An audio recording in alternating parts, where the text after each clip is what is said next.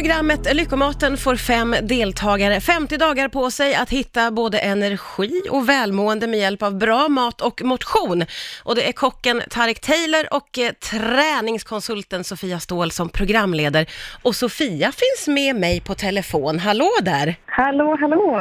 Men vad spännande med det här programmet. Vad skulle du säga att din uppgift är i Lyckomaten? Eh, det är ju, från början så var det ju att vara programledare och liksom eh, ta hand om träningsbiten. Men jag var ganska bestämd från början att jag ville också jobba med så att det skulle bli en, verk, en verklig och riktig förändring så att det var en inre resa också. Så att Okej. vi, det tog liksom, vi plockade ner själva träningsbiten ganska rejält och så jobbade vi mycket med mentala bitar och den inre resan, att de verkligen skulle göra det här på riktigt. Mm. Ehm, så att jag, alltså, det är ju lite så jag brukar förmedla hälsa också i, i mina kanaler och i allt jag gör. Så jag är väldigt glad över att jag fick det utrymmet. Ja men precis, det är så du gör i vanliga fall. Hur skulle du säga att det Ja. var att jobba med de här deltagarna då? Jo, men det var helt fantastiskt att de verkligen gav sig hän på ett sätt som man egentligen inte kan begära. Men vi hade verkligen tur i att de liksom tog sig an våra uppgifter och eh, det jag och Tarek ville utsätta dem för och testa dem på och sådär.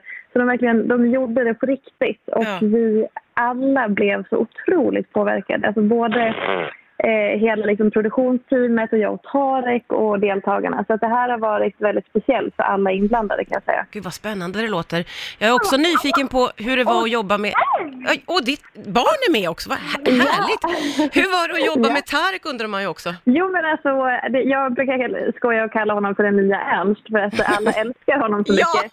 Eh, så alltså, det, var, det var verkligen roligt och vi är ganska lika som personer så dels hade vi väldigt kul liksom, när vi jobbade tillsammans och sen så kommer man ju så här, få en ny kompis för livet känns det som. Nej, vad mysigt. Ehm, ja, men plus att han är väldigt så här, professionellt. Och det, Mm. var skönt, det var skönt att ha en erfaren programledare luta sig mot i och med att det här är mitt första programledaruppdrag. Så Mm. var det väldigt skönt att, liksom, att vi var ett team hela tiden, att vi kunde liksom hjälpa varandra och stötta varandra. Så Ja. det var skit, skitkul. Gud vad, vad häftigt. Jag måste få fråga, hur mycket kan man egentligen förändra på 50 dagar skulle du säga? Ja, men det vill du veta. jo, men vet du, eh, vi, när vi gick in i det här projektet så hade ju inte vi något facit för var vi skulle landa. Vi visste ju inte, det är det som är lite grejen. Vi testar och hoppas. Mm. Och jag kan säga att man kan förändra. Men, och vi får fina resultat, men jag kan inte säga mer än så. Ja, jag förstår, man måste kolla, man måste kolla Ja. också. Du var ju inne på det själv här att eh, det är din programledardebut eh, på TVn. Mm. Hur känns det nu då inför att programmet ska gå ikväll? Nej, men jag har gått och mått lite illa hela dagen. Jag är skitnervös.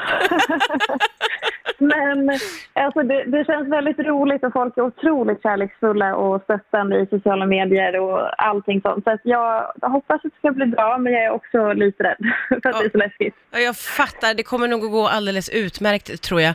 Eh, Ja. Lyckomaten heter programmet, det går på SVT1 klockan 20.00 ikväll. Eh, stort lycka till då och kul att du var med här på Rix FM, Sofia. Ja, men tusen tack. Puss Ha det bra, puss och kram, hej då! Hej då!